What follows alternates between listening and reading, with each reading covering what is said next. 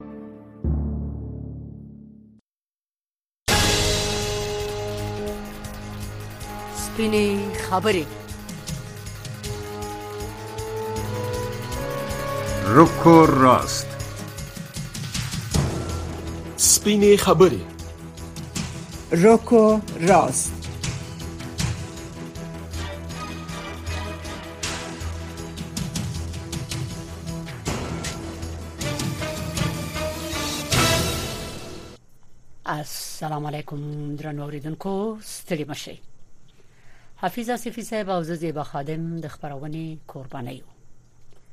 د سپین خبري یا رکو راست پروګرام اوریدو ته په خیر راغلی درنو اوریدونکو د طالبانو د حکومت د ریاست الوزرا د اقتصادي مرستیال دفتر ویلي دي چې ملا عبدالغنی برادر نن د نومبر په څلورمه چې د عقرب د میاشتې دیارلسمه ده د یو لوړ رتبه هیئت په مشرۍ ایران ته په سفر تللی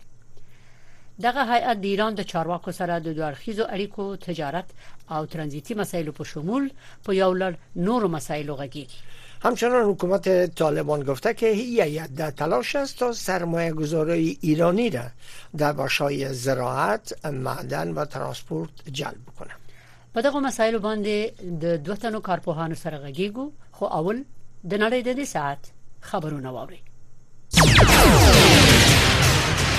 ویان احمد الله چیوال د افغان جون او خصو په چارو کې د امریکا ځانګړي استاذي رینا اميري له ټولو هیوادونو له هغې ډلې د افغانستان له ګاونډیانو غوښتي چې د کډوالو د حقونو د ساتنې په برخه کې پر خپلو ژمنو او مکلفیتونو عمل وکړي. مېرمن امیري پرون پر خپله ایکسپاڼه لیکلي چې د سیاسي پناه غوښتونکو حقونو ته باید درناوی وشي او دا خبره دې یقیني شي چې کډوال له جبري ایستلو څخه خوندي وي. په ورته وخت کې د طالبانو د حکومت چارواکو د پاکستان پر دې پرېکړه سخته نیوکه کړې، ویلي دي چې دا اقدام به دوه اړخیزې اړیکې زیانمنې کړي. له پاکستانه د افغانانو د ایستلو لړۍ روانه ده او په دې ترڅ کې پرون هم زرګونه کسان د سپین بولدک او تورخم له لارې افغانستان ته ورسېدل. باختر خبري اژانس چې طالبان یې اداره کوي، د سپین بولدک ولسوالۍ د کډوالو د چارو د امیر، مولوي عبداللطیف حکیمي له قوله راپور ورکوي چې یوازې پرون د سپین بولدک چمن له لارې شاوخوا پنځلس زره افغانان هېواد ته ستانه شول. حکیمي وايي چې دا د تېرو درې ورځو تر ټولو لوړه شمېره وه. نوموړی اټکل کوي چې په راروانو ورځو کې له پاکستانه د راستنېدونکو افغانانو په شمېر کې ښايي نور زیاتوالی هم راشي. د ملګرو ملتونو د بشري مرستو د همغږۍ اداره، اوچا، وايي، له هغې بسپنې څخه چې د هرات د زلزلې له مصیبت ځپلو سره د مرستې لپاره یې راغوښتې وه، یوازې په سلو کې شپږ ویشت یې ترلاسه کړې، خو چا په یوه راپور کې چې پرون یې خپور کړی ویلي، چې د ژمي په درشل کې یې له زلزله ځپلو سره د مرستې لپاره څه باندې درې نوي میلیونه ډالر بسپنه غوښتې وه. په راپور کې راغلي چې مرستندویه مؤسسې په سیمه کې اړو خلکو سره د خیمو، نقدو پیسو، خوړو، روغتیايي خدماتو او نورو برخو کې مرسته کوي. د هرات د زلزلې د زیانونو په اړه د اوچا په دوهم راپور کې ویل شوي چې دې زلزلې له اته څلوېښت زرو ډېر کورونو ته زیان اړولی چې له دې ډلې لس زره کورونه په بشپړ ډول ویجاړ شوي. شپږ افراطي وسله والو نن د پاکستان د پنجاب ایالت په میاوالۍ کې د هوایي ځواک پر یوې روزنیزې اډې برید کړی او درې الوتکې یې زیانمنې کړي. د پاکستان پوځ په یوه اعلامیه کې ویلي چې درې وسله وال دغې اډې ته تر ننوتلو مخکې وژل شوي او درې نور را ایسار کړای شوي. د پوځ په خبره په پېښه کې درې الوتکې او د تېلو یو ټانکر زیانمن شوی. د پاکستان پوځ ویلي چې دغه برید شنډ شوی، د پوځي پرسونل او د شتمنیو خوندیتوب ډاډمن شوی. له امریکا غږ څخه خبرونو ته دوام ورکړو، په پاکستان کې د تاوتریخوالي د پېښو په دوام د دې هېواد پوځ نن ناوخته خبر ورکړ چې د بلوچستان ایالت په ګوادر ولسوالۍ کې د امنیتي ځواکونو پر کاروان په برید کې څوارلس سرتېري وژل شوي. په دې اړه مو پام دې راپور ته راګرځوو. د پوځ د عامه اړیکو څانګې په یوه بیان کې وویل چې د امنیتي ځواکونو دوه موټر چې پوځي پرسونل پکې سپاره وو په دې برید کې په نښه شوي دي. په بیان کې کومه ځانګړې ډله په دې برید کې نه ده تورنه شوې خو دومره یادونه شوې چې دا یوه تروریستي حمله وه فرانس پریس خبري اژانس د چارواکو له قوله د خبرو شوو تصویرونو په حواله په خپل رپوټ کې لیکلي چې له چاودنې وروسته د پیښې قربانیانو سوځیدلي مړي پر سړک پراته و شافیا سردار امریکا جغ واشنگټن د امریکا متحده ایالتونو په لومړي ځل منلې چې د اکتوبر پر اوومه پر اسراییلو د حماس له برید وروسته یې د غزې تړانګې پر اسمان بې پیلوټه څارګرې الوتکې چورلېږي. د امریکا دفاع وزارت ویاند برید جنرال پټ رایډر په یوه بیان کې ویلي، چې ډرون الوتکې د یرغمل شویو د څرک د معلومولو د هڅو په خاطر فعالیت کوي. په بیان کې راغلي، چې د امریکا متحده ایالتونو د غزې پر اسمان د بې پیلوټه بې وسلې الوتکو څارګره څارنه کوي او سربېره پر دې خپلو اسراییلي ملګرو ته د یرغمل شویو د خلاصون د هڅو په باب مشورې او ملاتړ وړاندې کوي. د اروپايي کمېسیون مشره نن سهار په ناڅاپي سفر د اوکراین پلازمېنه کییف ته ورسېده.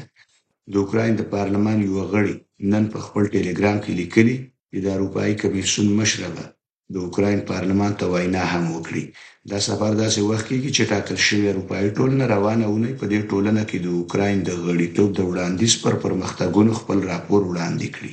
تر څلوېښتو ډېرو هېوادونو مشترکې څېړنې ښيي چې په نړۍ کې د اعتیاد له امله ذهني ګډوډي یا رواني اختلالات مخ پر ډېرېدو دي.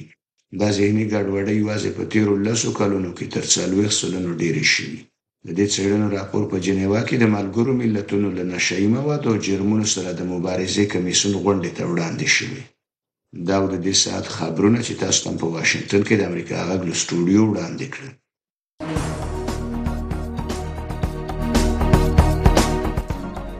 نن او وضعیت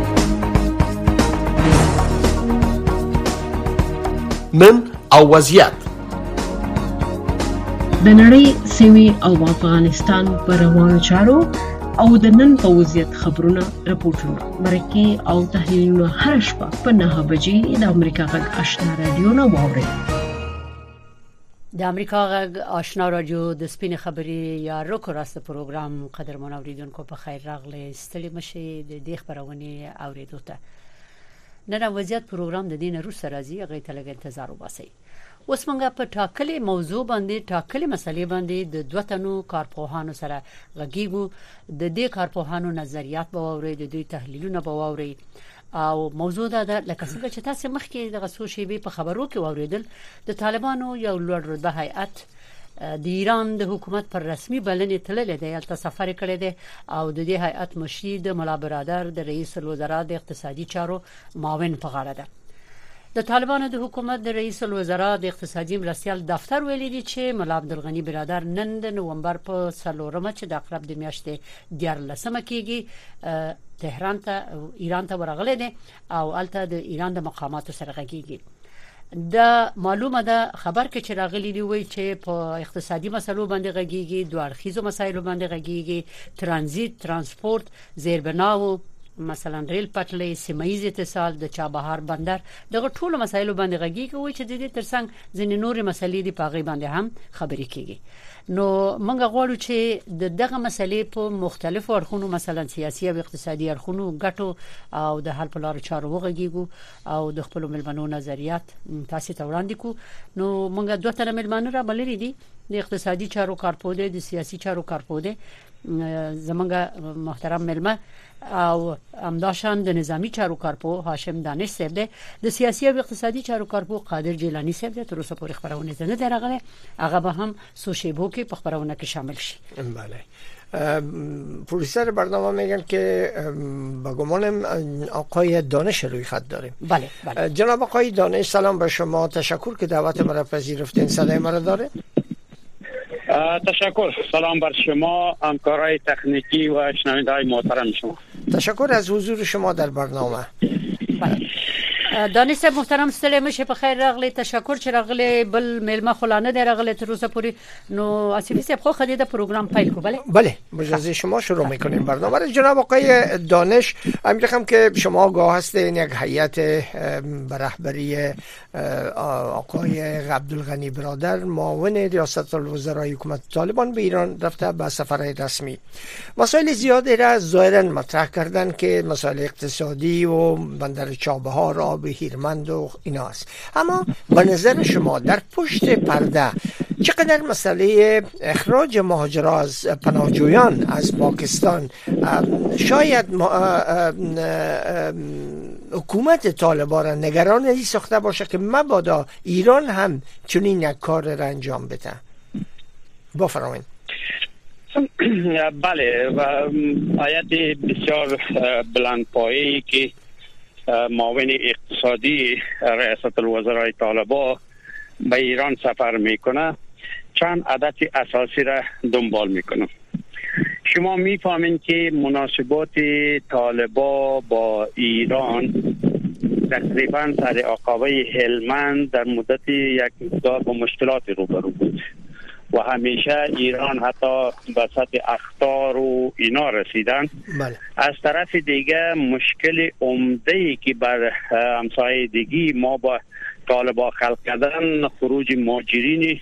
بدون مقدمه و بدون آمادگی در زمستان که تقریبا یک هدف بسیار خسمانه ای را در پشت سر این کار دنبال کردن طالبا به این نتیجه رسیدن که گزینه بغیر از مراجعه به ایران رای دیگی را ندارن میخواین ایران را از چند نگاه اطمینان بده موضوع اول ای که مسئله اقابه هلمن که برای جناب بسیار مهم هستند این موضوع را بر برشان بگوید که با مجرد شروع شدن باران ها میتونه آب را برای جناب رها بکنه موضوع دوم یکی از مرزای افغانستان خطراتی را که ایران احساس می کند مبنی بر رشد داعش و یا حملاتی از این نگاه ازی مسائل هم اطمینان بده ایران بده به خاطر که از پاکستان یک مقدار مایوس شدن و مناسبات با پاکستان بسیار به تیرگی گرایی به این لحاظ این آیت این موضوع از طرف ایران هم مسئله تجارت مسئله بندر چابهار و مسئله از که در آینده تجارت رونق تجارت چابهار مسئله هندوستان و اینا از جمله اهداف این است که اینا تعقیب خواهد کرد تشکر جناب آقای دانش دانش صاحب محترم یو بل پښتنه په همدې ارتباط نو دوی خو چې کوم خبر نشر کړي دا غي کې ویلي دي چې کوم کوم مسایل باندې غږیږي او تاسو دا د مهاجرو د حقابي دا مسله مطرح کړه غیر لدې څه فکر کوي چې د څه کومه بل موضوع به هم وي چې احتمال شته هغه مطرح کی او کوي هدف وسی مسلې خوځښت ډېری دي په منطقه کې مثلا سیاسي مسلې ګوره اصلا خو تاسو ته د معلومدار خبره ده چې افغانستان په دې حالاتو کې فعلا قرار لري چې هر مملکت یو خاص استنباط او برداشت افغانستان څخه لري په تور مثال ایرانیان طالبانو ته د شک په سترګه باندې ګوري چې دا احتمالا د امریکا یو نیابتي نیرو او د امریکایانو سره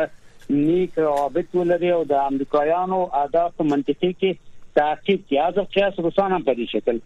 زما په آن باندې په مجموع کې د دنیا په اکر باندې د طالبانو ایډیا و د طالبانو نظریات پر دې مسایلو باندې ډیر محتاطانه دی که تاسو ته معلومه سو مثلا د فلسطین پر مسلې باندې طالبانو هغه څه برګون چې باید مثلا امیر المؤمنین لا هیبت الله خودلای وای هغه څه برګونی ونه خو دی یعنی ډیر محتاطانه برخورد یو کې په دې خاطر مناسبات نه غوښتل د امریکایانو سره خدشه داسي زه فکر نه کوم چې داسي یو خاص هدف چې دوی په یعنی د ایران سره وسې کړای داسې روابط برقرار کړي چې هغه د نورو نړۍ سره یعنی په مشکل یا په ټکر کې واقع شي داسې شي طالبان هرگز نه غواړي بله اما یک مسئله هم هست جناب آقای دانش در صورتی که هرچند شما گفتین محتاطانه خب ایران موقف خود بسیار در مورد حماس مشخص کردند فکر میکنین که طالبان تا هنوز محتاطانه گرفتن اما خب چقدر امکان داره که اینا همسو باشن در رابطه با حماس و طرفداری از فلسطینیان؟ ببینین ما به نظر هستم که از نظر ایدئولوژی و از نظر تفکر اینا همسوسن یعنی نظریاتشان مشابه هستند شاید در مجالسی که بین طالبا و ها صورت میگیرند در مسئله فلسطین هیچ نوع تضاد دیدگاه یا تفاوت دیدگاهی وجود نداشته باشد اما آنچه که در عمل انجام میپذیره و آنچه که در سطح میدیای بین المللی انعکاس پیدا میکنند تفاوت دیدگاه ایران و طالبا به وضوح دیده می شوند و شما دیدین که یعنی اگر یک وقت شیخ ملا حیبت الله می گفت در یک بیانه خود گفت که اگر ما درک بکنم که یک مسلمان در هر گوشه از دنیا متضرر میشن و یا با مشکلات مواجه هستند ما شخصا حاضر هستم که به او کمک رسانی بکنم و در حالی که حماس در بدترین وضعیت از نظر فکری مشابهت ها و هم فکری ها به طالبا هستند اما او موزیگیری قاطع و سری ای که یعنی فرض بودن جهاد بر ضد اسرائیل یا تشویق کردن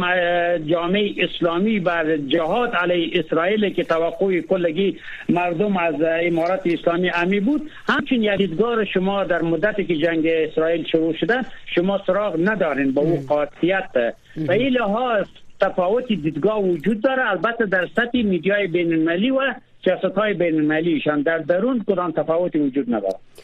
زه به تاسو په اجازه یو ځل احوال واخلم چې زمونږ میلمه خبري اوري که نه اوري قادر جیلانی صاحب زمونږ غاوري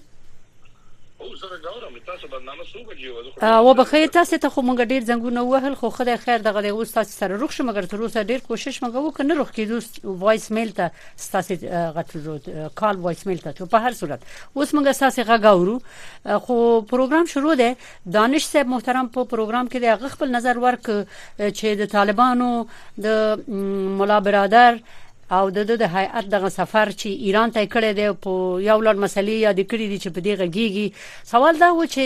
د دغه سفر سیاسي هدف څه دی په دغه سی یو وخت کې چې اخو ته د پاکستان سره مناسبات د دې ماجرو په مسلې باندې خراب دي غیر دي هم ځینې نورې مسلې دي امنیتي مسلې دي او دغه سی یو وخت کې ایران ته ځي د ایران سره هم د مهاجرو موضوع شته مګر سیاسي هدف به د دې سی د دنیا د حالاتو په رڼا کې چې وسیړي سلامونه تاسو ته او اوریدونکو ته او ملمه ته ګوري اساسي خبره همدا ده چې ایران پاکستان د هغه ګاونډیان دي چې د افغانستان په سیاسي کړکیچ کې لوی لوی لاس لري پراخه لاس لري او ایران بیا په خپل د امیرالمومنین دفتر سره مالي مرستې دوی تر سره کوي حتی د جناب کرزي صاحب په وخت کې هم دوی مستقیما د ولسمشر دفتر سره مالي مرستې درلودلې او دا یو اساسي هدف یې همدا و بله بله مهرباني یو اساسي موضوع همدا ده چې هدف همدا ده چې طالبان چې تر څو پورې ایران د افغانستان په چارو کې برلاسي وسیږي او لاس ولري نو د دې لپاره دوی ځینې اقدامات کوي اوس مهال د مولا برادر په شمول باندې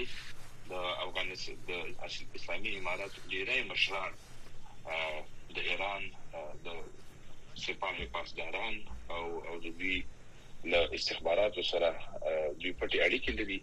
او مالی مرستې هم تر سره کوي نو دوی اوس مهال چې دوی وایي چې دا سفر اقتصادي او د دې ترڅنګ سیاسي او حتی نظامي برخه کې هم ښايي چې دوی ځینې هوکړې سره ولري چې هغه هم د طالبانو له خوا باید ایران ته کوم خطر متوجه نه اوسېږي. بیا اقتصادي برنامو کې دوی یادونه کړې وه چې موږ غواړو چې بدیلې لارې فعاله کړو او د چابهار بندر په هکله به هم موږ بحثونه ولرو. بله مهمه موضوع همدا ده چې ایرانیان دلچسپي لري چې په افغانستان کې معادنو قراردادونه ترلاسه کړي او حتی ځینې شواهد او مدارک موجود دي چې ایرانیانو ځینې قراردادونه له طالبانو سره امضا کړي دي د د قانون په سکتور کې غواړي دغه پروژو ته هم دوی وده ورکړي او ایرانیان هم له دغه فرصت نه استفاده وکړي نو یو ډول د سیاسي فشارونو کوشش کوي د ایران حکومت او په دې کې لا تر اوسه پورې ډیر کامیاب دی ځکه د مهاجرینو موضوع د دوی سره هم بحث شوې ده حتی د مهاجرینو په اړه باندې پاکستان او ایران دواړو ته یو وړاندیز د طالبانو لخوا وړاندې شوی و، پیشنهاد و او او د افغانانو دغه د استخراج پروسه دا هم سازماندهي شوې ده له طالبانو سره دا چې ډیره تیزه مخته لاړه د دې یو هدف دا و چې طالبانو باندې فشارونه زیات شي نو ایران حکومت هم دا هغه افغان مهاجرین چې په ایران کې اوسېږي د دوی د وت د ایستلو لپاره هم له طالبانو سره برنامه جوړه شوې ده او طالبان دا کار د دې لپاره کوي چې په راتلونکو کلونو کې طالبانو ته له دغو خلکو نه یو تهدید جوړ نشي دوی وایي چې دوی دا تجربه کړې چې دوی په پاکستان کې ژوند کړی و نو دوی دوی باندې ځینې فشارونه رامنځته شوي، مثلاً یا د کور اعضا د پاکستان استخباراتو سره ګروګان دي او نیول شوي دي، مثلاً اختطاف موضوع ده، دوی ته ځینې تهدیدونه موجود دي، د دوی اولادونه، لورګانې، زامن، هغوی ټول په پاکستان کې درسونو باندې بوخت دي، په ایران کې په پوهنتونونو کې درس وایي او د دې ترڅنګ تجارتونه لري، دا مهمې برخې دي، نو دوی غواړي چې. حتی خپل تجارتونه هم افغانستان ته انتقال کړي د دې ترڅنګ دغه کمپونه چې په پاکستان کې او یا په ایران کې د افغانان کمپونه دي اوسېږي دوی غواړي چې دغه ټول افغانستان ته انتقال کې شي نور لګاونډیانو نه تهدید صفر ته ورسیږي دا یو حسره د طالبانو دا چې دوی په دې کې د طالبانو دغه هدف کې یو دوی چې کوم فکر لري په دغه فکر کامیاب دي ولې یو دم د مهاجرینو راتګ په ډیر په اجباري شکل او ډیر زر دا کولای شي چې دوی باندې فشار راوړي ځکه دلته دی خلکو ته د اوسېدلو شرایط تشکر او قای جیلانی بله تشکر از شما جناب آقای جلانی آقای دانش در چنین حالتی که ایران هم با تحریم های اقتصادی دست و گریبان است چقدر فکر میکنین که هرچند نگرانی های از جانب طالبان داره و کاملا در مورد روابط طالبان با حکومت ایالات متحده متردد است اما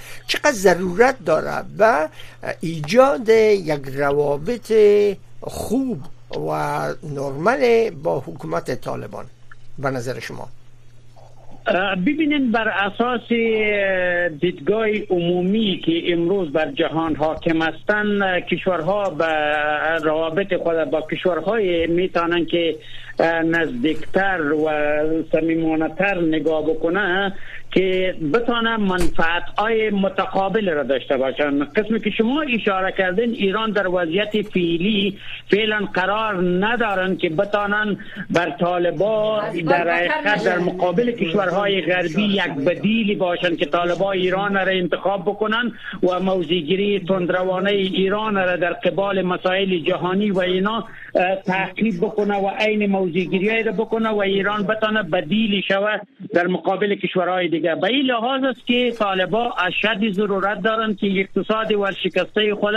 و این نابسامانی های اقتصادی خود در کمک های کشورهای غربی به خصوص ایالات متحده امریکا این را بتانه سر و سامان بده این بحران اقتصادی را به هیچ عنوان ایران نمیتانه ما بیخی مثال بسیار واضحه که ایران یک سرکی در, در ولایت فرا سرکی که ولایت فرا را به بندر شیخ ابو نصر فرایی وصل میکنه بله. از مدتی در وقت کرزه قرارداد شده تا انوز قرارداد تکمیل نیست انوز هم این سرک را هر سال میایم که ولا تعود میکنه که ما این سرک را از کمک های کشور ایران هستن که ما کارش چی میکنه یک سره کرده نتانستن تکمیل بکنن و این معنی که این نمیتانن که بدیل باشن ما به این نظر هستم که طالبا در قبال ایران و اساسیت کشورهای غربی در قبال ایران بسیار محتاط هستند بسیار محتاطانه برخورد میکنن هیچگاه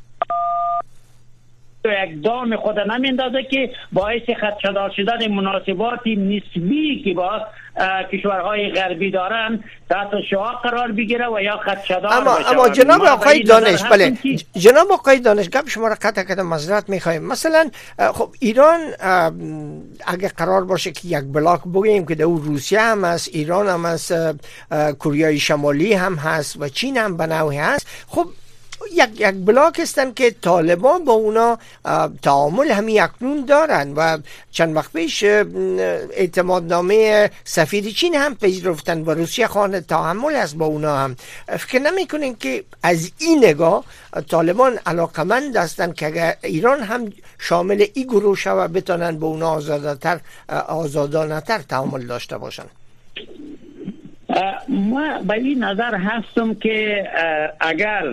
ایران، چین، کره شمالی و حتی روسیه هم حکومت فعلی طالبا را به رسمیت بشناسند و علاوه از اینکه مثلا شما میگین سفیر روان کردن اینا در وضعیت افغانستان تغییرات را که باید با وجود بیاید نمی آیند دلیلش است که کلید حل مشکل اقتصادی افغانستان در دست امریکا و کشورهای غربی هستند تا زمانی که تحریمات اقتصادی به خصوص مسائل بانکی افغانستان حل نشوند این مشکل حل شدنی نیست اگر به این فکر باشیم که چین روسیه و کشورهایی که تحت تاثیر که روسیه قرار دارند به شمول ایران و بسیار علاقمند است به طالبا روابط نیک داشته باشند و با طالبا رابطه را و طالبای را بخواهند که تشویق بدی بکنند که شما ناتو را چهل و پنج مملکت را شکست دادین شما فاتح هستین و شما باید در تقابل قرار بگیرین اما در اونجا افکار دیگی وجود دارن شما دیدین که بعد از یک و نیم سال از مطبوعات و از رسانه ها و از تحلیلگران طالبا نظریاتی بروز کرد که ما با امریکا هیچ نوع خصومتی را نداریم ما با امریکا میخواین رابطه بسیار دوستانه ای را داشته باشیم امریکا ابر قدرت اقتصادی در سطح دنیا هستند به این لحاظ هستند که ما به این نظر هستم که این بسیار محتاطانه و سنجیده شده هستند هیچگاه خود را طالبا به دامان این بلوک نمیندازند که در تقابل به کشورهای غربی قرار بگیرند تشکر شما مننه تاسو نه زه وګورم چې قادر جیلانی صاحب غاګوریا نه جیلانی صاحب غاګوري بله غږ اوري جیلانی صاحب نو ښه او بخې دانش صاحب محترم یو بل سوال هغه دا چې د خټولو ته معلومه ده چې په ایران باندې په افغانستان باندې په طالبانو باندې د متحده ایالاتو غشته د بندیزونه شته ده نو اوس د ایران او د افغانستان د واکدارانو د طالبانو روابط دغه چې سره نزدیکیږي په هر مسله چې غږیږي که اقتصادي دی او که سیاسي دا د طالبانو په دې اوسني موقف باندې څومره اغیزه کولای شي مثلا دوی تعاملات لري د ځینو ملکونو سره د تعاملاتو باندې څومره اغیزه کولای شي آینده باندې څومره اغیزه کولای شي زه فکر کوم چې تر هغه چې د افغانستان یعنی د طالبانو د اسلامي امارات مشکل د غربیانو سره حل نسی دلته د شرقیانو سره هر نو قرارداد کول دا د کاغذ پر مخ باندې پاتې کېدای شي عملی جامه نسی اغوستل او دا تجارتونه او دا قراردادونه رونق نسی پیدا کولای تر هغه چې دغه رکود و بنبست اقتصادي په افغانستان کې یو معقوله رای حل پیدا نه کی او په هر صورت باندې طالبان هم په مصابده یو حکومت کې فعلا د افغانستان او زموم او امور په لاس کې لري دوی هم هرومرو دا لازمه ګڼي چې د دې مملکتو سره به خصوصي ایران چې همسایه دی او هلته په میلیونونو مهاجر وجود لري رابطه ولري تعلقات ولري او ایران هغه مملکت چې د دوی سفیر او منل او سفارت رسما د قونسلګرانو سره و دوی ته تسلیم کوي کوم مشکل او کوم خطر دا او خاطر خنه لري او د ایران آیاتونه هم همیشه ډیر آزادانه سفرونه کوي او راځي او د دوی سفارت او قونسلګریان هم په افغانستان کې فعال دي ولی دا یو رابط پر اساس د الزامات پر اساس د ضرورتو دي پر اساس د دې چې جغرافیایي موقعتو باندې دی اما بحث که پر دې کوو چې بدیل څوک کېدای شي دا مملکتونه بدیل کېدلای نه شي او طالبان واقف دي پر دې مسلو باندې او دا مسله په ټول معنا باندې درکوي چې بعضي تحلیلګرانو دا نظر درلود چې هغه قطه چې مثلا لا هیبت الله ته جوړیږي هغه عین لکه سپای پاسداران د ایران د خوا تمویل کیږي ایران د خوا ترننګ ورکول کیږي دا چې خبرې کېدلې الان دا چې دا ټول خبرې په سطح د خبرو دي یعنی کوم موثق اسناد چې دلالت په دی وکړي چې وجود لري یا مثلا که کوم کومکونه د طالبانو سره نقدي کیږي یا کوم قراردادونه د ایران سره سوي وسی که هغه موږ تاسو مستند سازي کو تر اوسه مو داسې یو سند تر لاسه نه دی پیدا کړی چې هغه دلالت په دی وکړي چې د ایران سره پټ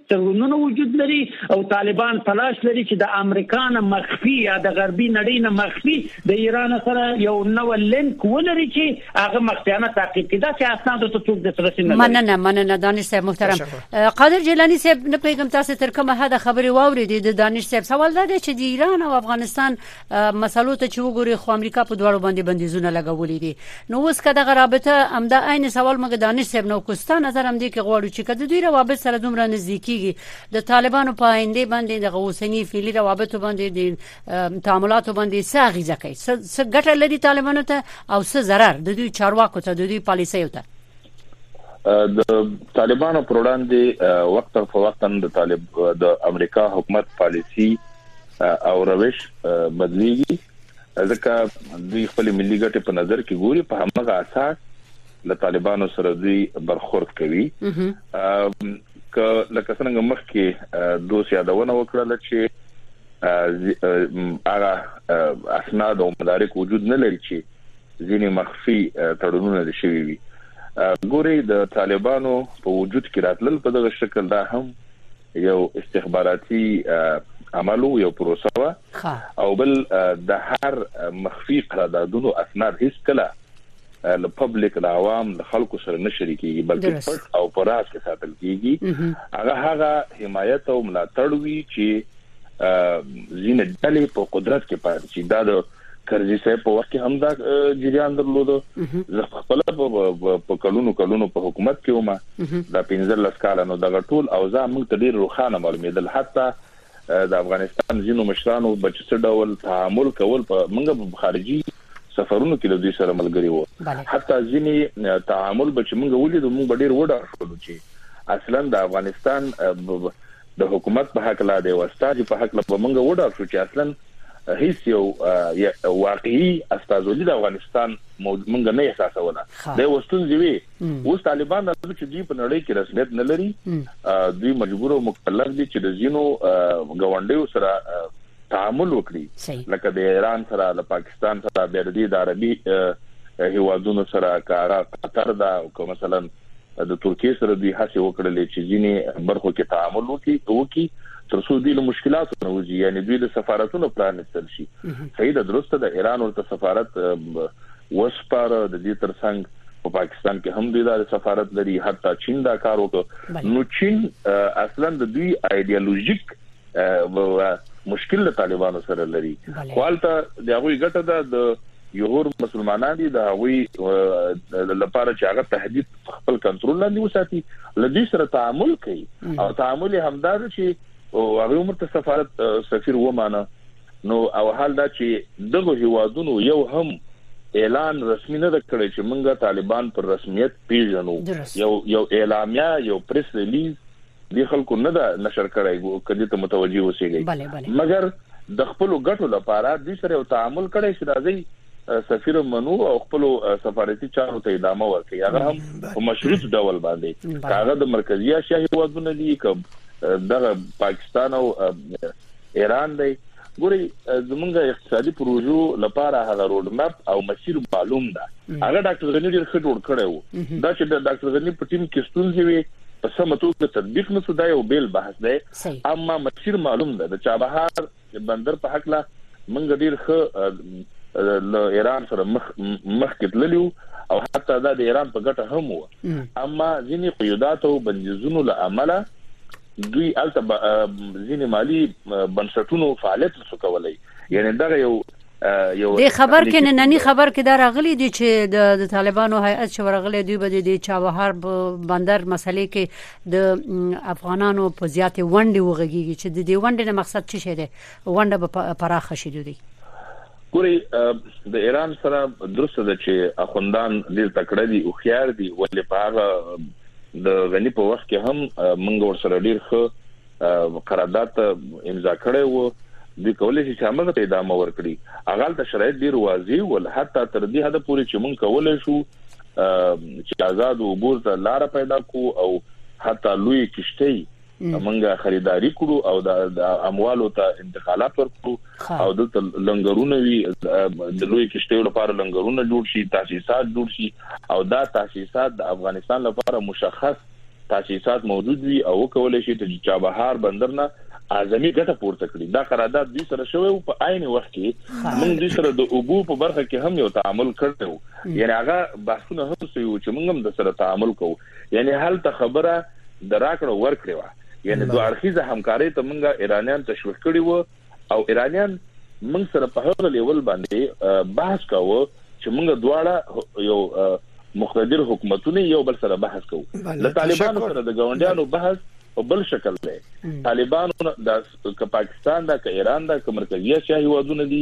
له طالبانو ته ډیر په ټیټ نظر ګوري دي ته یو موقتی د ډلې په نظر ګوري د سره تعامل په همغه شکل کوي طالبان دا فکر نه کوي چې یو څو دغه غونډیانو کې غیر رسمي سفارتونه پرانستلي دي فکر وکړي چې دوی حکومت نور رسمیت لري د دې خارجه وزیر چې اصلا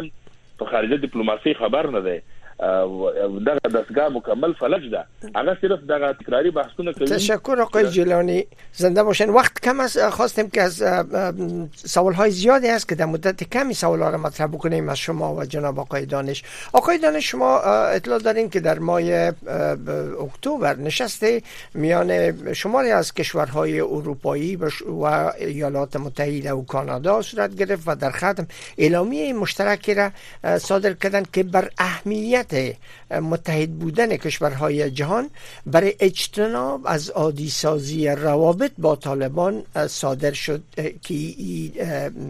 در ای اعلامیه این مسئله صادر شد حال با نظر داشته کشورهای منطقه و تعاملشان با طالبان چقدر همچون اعلامی ها و یا نظر کشورهای برخی از کشورهای اروپایی به شمول ایالات متحده و کانادا در این زمینه کارساز شاید باشه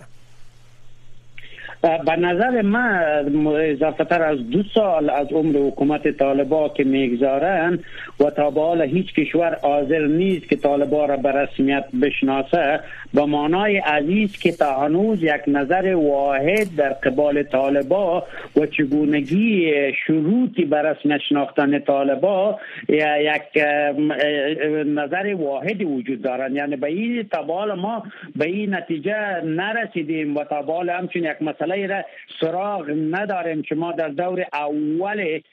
طالبا که از این قدر هم طالبا خشنتر بودن اما تا یک دو کشور اینا را به رسمیت شناختن ولی این بار حتی پاکستان جرأت نکرد اینا را به رسمیت بشناسن و یا ایران جرعتی از این کار را نکرد این یک انسجام وجود دارن و دنیا خواستای مشخص را نظر از طالبا دارند ولی ما میخوایم به ارتباط سوال دوست خود بگویم که جوابی که بله در حکومتی که شما یعنی حکومت 20 ساله ای که مشکلات وجود داشتن و رابطه با ایران و پاکستان و حتی روسیه حکومت او وقت 20 ساله با جزایر قدرت تقسیم شده بودن مثلا ما بسیار به یاد دارم که آقای محقق به ایران سفر کردن و آقای محقق از تشکیل فاطمیونه که در اونجا هزارها افغان به ناحق به خاطر منافع ایران کشته شدن او را تکبیر کردند و گفتند که یکی از شیوه های مبارزه با داعش بودند در حالی که آقای محقق یکی از پایه های حکومت اشرف غنی بود یا حکومت کرزی بود بنان این حکومت با او حکومت تفاوتش به ایست که اونجا دسته های مختلف و جزایر قدرت مختلف و استخبارات کشورهای مختلف بیشتر نسبت به این وضعیت نفوذ داشتند طالبان فیلم یک دست هستن از یک منبع فرمان میگیرن و از یک دست رهبری میشن بنابراین این یک احساس که نمیشه که طالبا باز کماندانایشان وزیرایشان والیایشان رابطه های مستقلانه را به ایران بتانه تامین بکنه مثل که در سابق اسماعیل خان یک نوع رابطه ای را داشتن دولت مرکزی دیگه نوع رابطه همچون یک چیزی ما فکر نمی کنم طالبا خیلی منسجم تر از حکومت 20 ساله بودن نظر به پالیسی های بیرونیشان نو کدا سوی او بخیر دانش صاحب محترم څه نواقص موجود دي په دغه حکومت کې چې تاسو دومره صفاتونه یا هغه د سمو کارونو بیان وکړ سنه واقص پکې موجود دي چې د دې حکومت پر رسمیت نه پیژندل کیږي مثلا د سیمه هیوادونو شکایت لري چې وای پاکستان مثلا وګوري وای د دې ځنه موږ ته به امنیتي جوړیږي زموږ ملک ته خلک راځي دلته بریدونه کوي د پاکستان حالات ته وګوري ایران هم دا شکایت لري مثلا د مرکزی اسیا حکومتونه هم دا وایي چې موږ ته خطر نه دی د تروریزم او د دغه مسلو نه امریکا هم وایي چې باید نوري دنیا ته خطر نه نو خیر غټ مشکل چی شه ده او طالبان وایي چې چاته خطر نشته نو غټ مشکل چی شه ده چې دغه حکومت په رسمیت نه پیژندل کیږي خصوصا امریکا یې ولې نه پیژني ګوره دی با خوري کچې ته ما خبره ته په دقت سره ما کوم توصیف و نه کوي ما د هغه د بهرني پالیسی د دوه حکومتو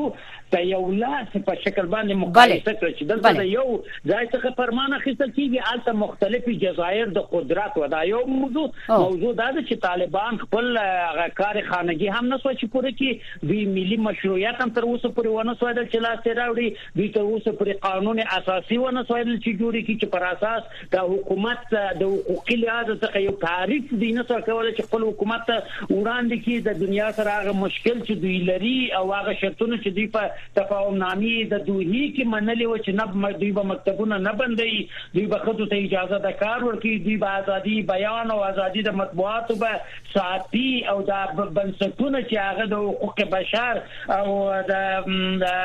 مسؤلیت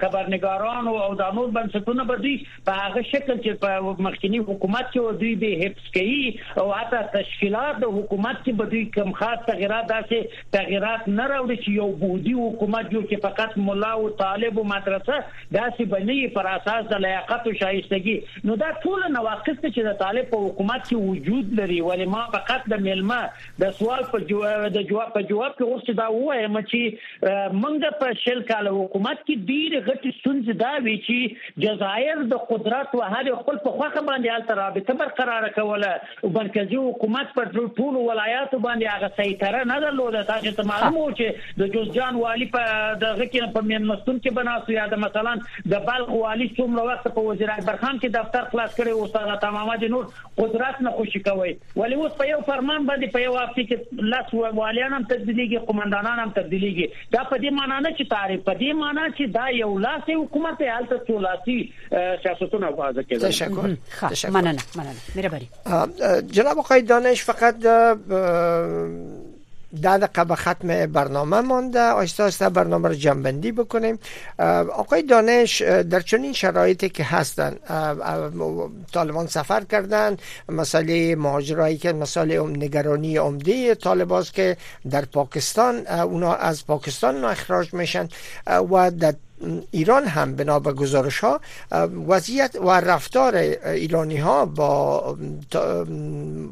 پناهجویان افغان چندان خوب نبوده در چون این حالت طالبان چه گزینه ای دارن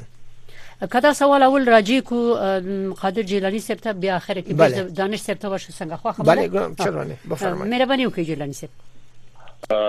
درسته ده ځکه د مهاجرینو اه، موضوع ډیره مهمه موضوع ده او دا د ایجنډا یو اساسي برخه باید وسیږي چې طالبان یې له ایران سره مطرح کوي چې په تدریجي شکل کولای شي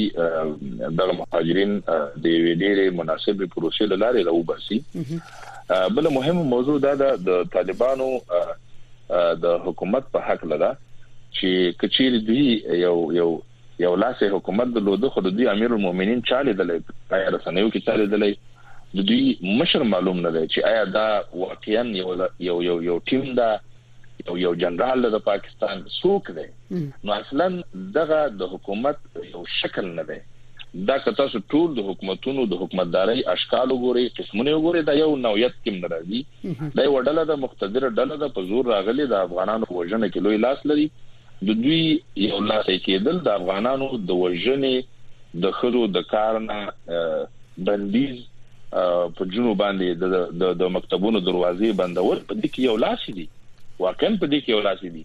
زه هغه یو لاسی باندې څه وکړم؟ هغه د قدرت جزیرې، که هغه وخت چې موږ د قدرت جزیرو بحث کوو، هلته خو د نجونو پر وړاندې مکتبونه بند نه وو. هغلته خو د خزو لپاره کاري فرصتونه فوق العاده ډیر وو یو یو پارلمان موجود یو سیستم یو یو جمهوریت نظام چې ټول نړۍ منلی وو په نظامونو کې کمی او کاستی وی په دې کې هیڅ شک نشته د حکومتداري په سیستمونو کې ستونزې وی اما موږ یو ډیر منظم منسجم سیستم درلوده او ستونزې همدغه خلکو جوړ کړي وي زما اساسي غوښتنه همدا ده چې د دانش صاحب په پسیر باندې نور دوستان باید یو یو ملي گفتمان چې موږ رامنځته کوو همدا اوسېږي چې د واقعیتونو پر اساس اوسېږي موږ همیشه دا پرتله کوو موږ به د سلويخ کالو شل کال هم دي پرتله او مقایسه باندې به موږ بحثونه کوو بحث همدا دی چې طالبانو د ولس لپاره څه کړی دي آیا هغه افغان مهاجرین چې په دغه شکل له پاکستان نه وېسل شو چې د پردې ترشا یو تعامل پاکستان سره شوی و چې سازماندهي شوی و چې افغانان تاسو راوباسئ هغه هم د دې لپاره چې په آینده کې تهدیدونه نه وي او دوی د ډیر وخت لپاره په قدرت کې پاتې شي د دوی ترمنځ فوق العاده اختلافات موجود دي یوازینی هدف همدا ده چې د د مخکنیو د نظامیانو پر وړاندې چې په دوی باندې قوي نسی نو دغه لپاره دوی په غیرت نیولې دي چې په یو صف کې ولګي زه خبرم چې د دې ترمنځ فوق العاده اختلافات دي حتی د مالی وزارت نه د په یو په یو په یو فقط په یو نوټ باندې پیسې وستل دا بیخي نظام د تخریب او لمنځه وړلو یو یو اساسي دلیل همدار د مرکزی بانک او نورو مسایلو حتی د د تقرر د والیانو د قومندانانو په برخه کې اختلافات لري حتی یو بل باندې دوی دغه کړی دی یو بل څه کمین نیولای دا د دې ترمنځ اختلافات موجود دي ول ولس ډیر لري صادق شوی دی ځکه دوی دغه دهشت ډیر لري په ولس کې ولس په دې خپويږي چې دوی لیاز او خاطر نه کوي انسان وژني په سرک باندې انسان وژني تورسره باندې وار کوي نو نو دا ستونزې موجود دي دا ټول ستونزې موجود دي په اوسنی نظام کې نو کچیر موږ وایو چې د دوی درسته د دوی به څو مثبت کارونه ولري هغه هم دغه چې د زور لارې دوی په خلکو باندې ځینې قوانين خپل قوانين چې دوی جوړ کړی دي هغه تطبیق کوي په اما په زور حکومت نه کیږي او بل اخر لمنځه ځي خو هغه ګورو چې دانش افغانان چې افغانان ډیر ته بیا مجبور کیږي چې لصفر نه بیا پیل وکړي نو وایم چې دوی کده ایران سره تعامل کوي کده ایران ته سفر سفرونه کوي که پاکستان ته کوي که ترکیه او قطر او دغه پنځه هیوادونو ته دوی سفرونه پنځه شپږ هیوادونو ته کړي یا ته هیوادونو ته خادم چې دوی سفرونه نه درلودلي او د دې سفرونو د یو زارې په شکل باندې و چې دوی سره تعامل وشي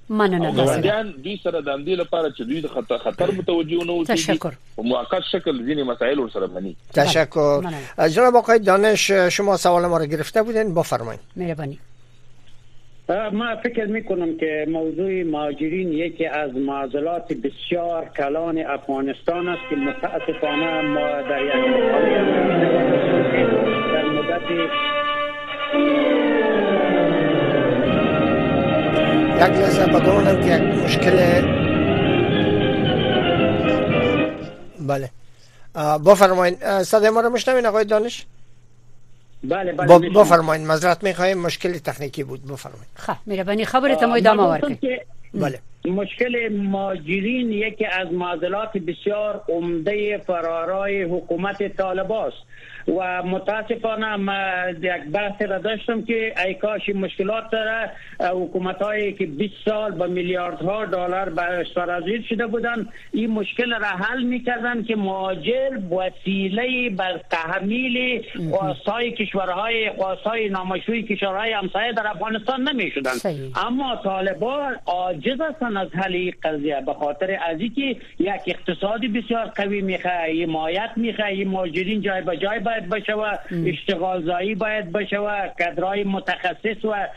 مسلکی که میایه بر از اینا باید زمینه کار مساعد بشوه اینایی که از مکاتب پانتون ها درسایشان نیمه و چی مانده اینا باید در پانتون ها و مکاتب تنظیم شوه این دخترایی که در اینجا بوده اینا کارای است که برای سر حکومت طالبا بسیار کلانی میکنن و حکومت طالبا در قبال این قضیه عاجز هستن و ما به نظریات جیلانی صاحب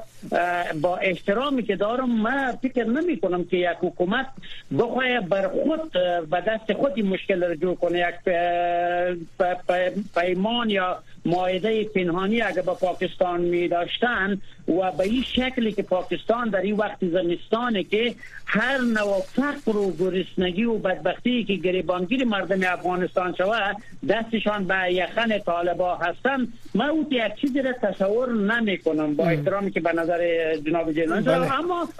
به خاطر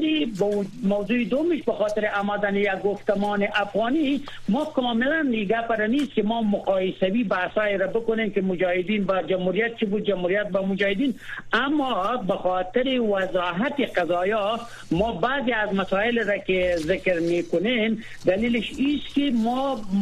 نظریات واحد و یا طرح واحد که در قبال قضایا مطرح میشه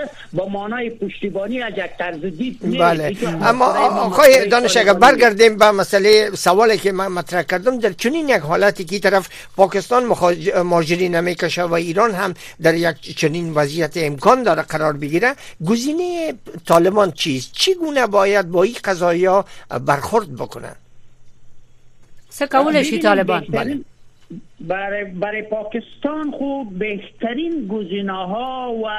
عکسالعملای را داشتن که طالبا اگر انجام بتین دفتن پاکستان از این موضوع منصرف میشه یک موضوع است موضوعی که با ایران دارن اما اینا فقط گزینه امیس که باید در مذاکرات و چگونگی برگشت داوطلبانه باشن طالبا هیچ نوع رای را و یا هیچ نوع بدیل و یا هیچ نوع راهکاری را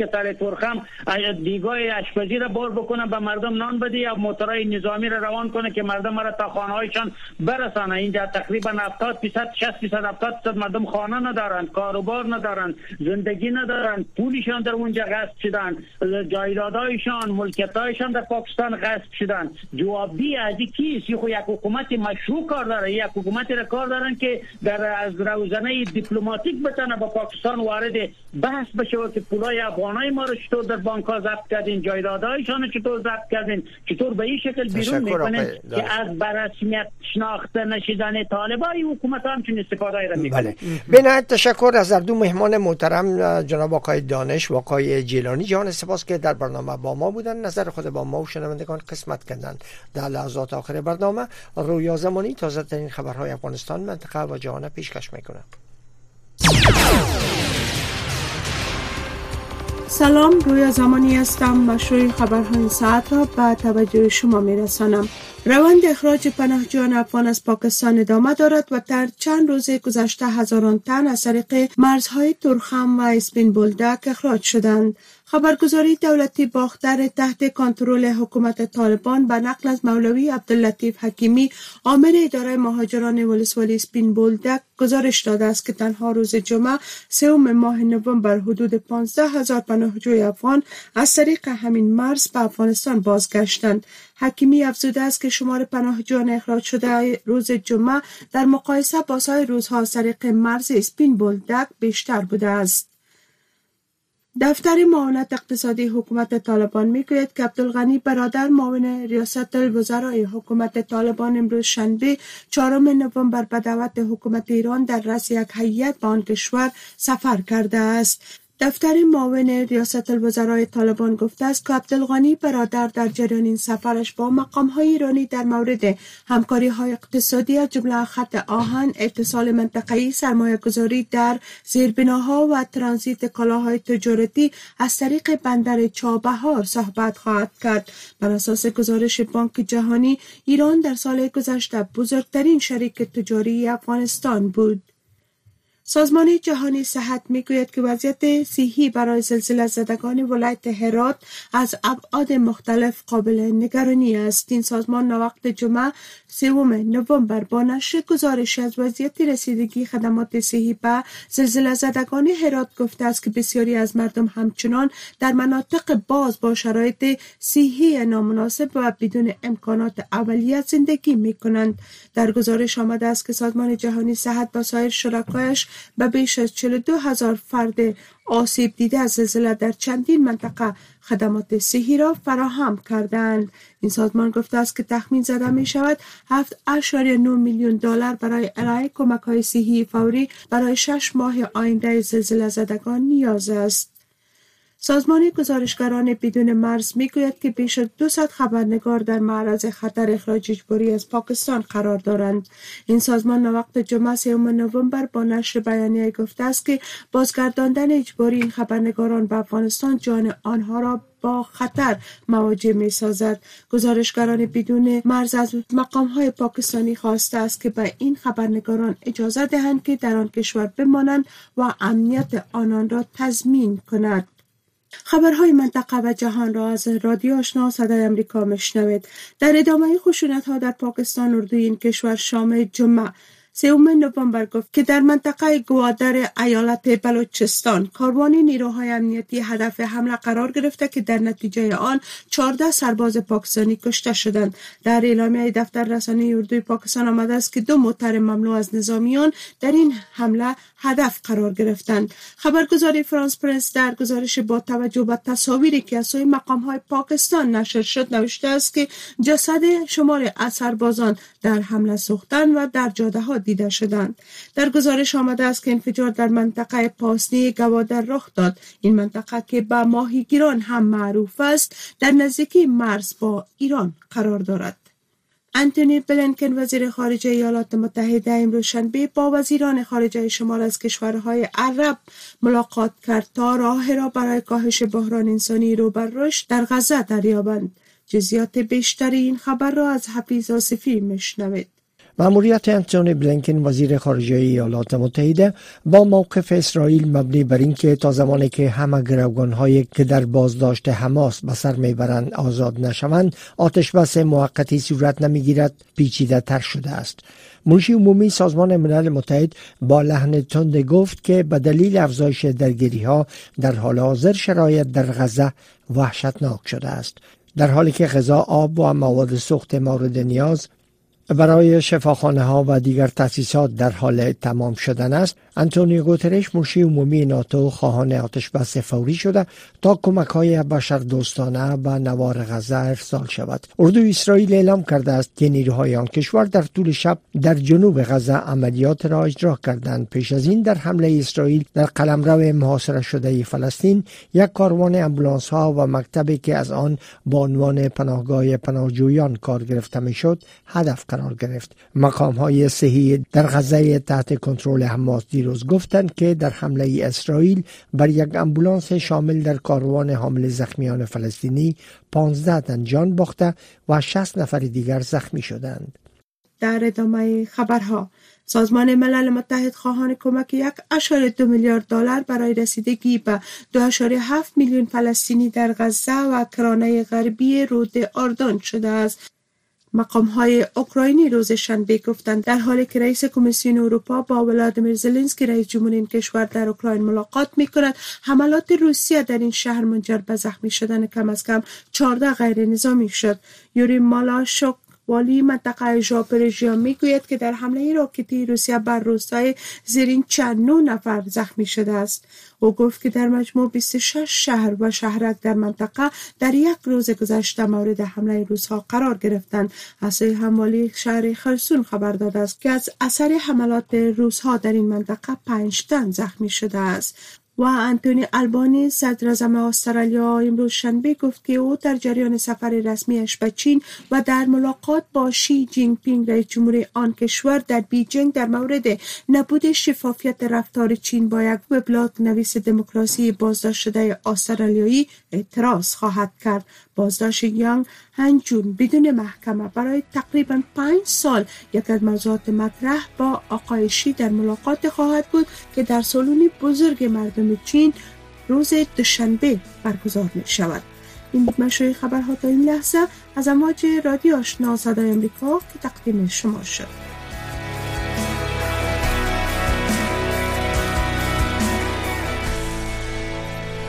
شنوندگان عزیز ای بود داشته های برنامه روک راست سپین خبری که در همین جا به پایان رسید اما نشرات پشتو و دری رادیو آشنا صدای امریکا همچنان ادامه دارند برنامه بعدی ما نن او وضعیت است که همکار ما بانو زیبا خادم را گردانندگی میکنند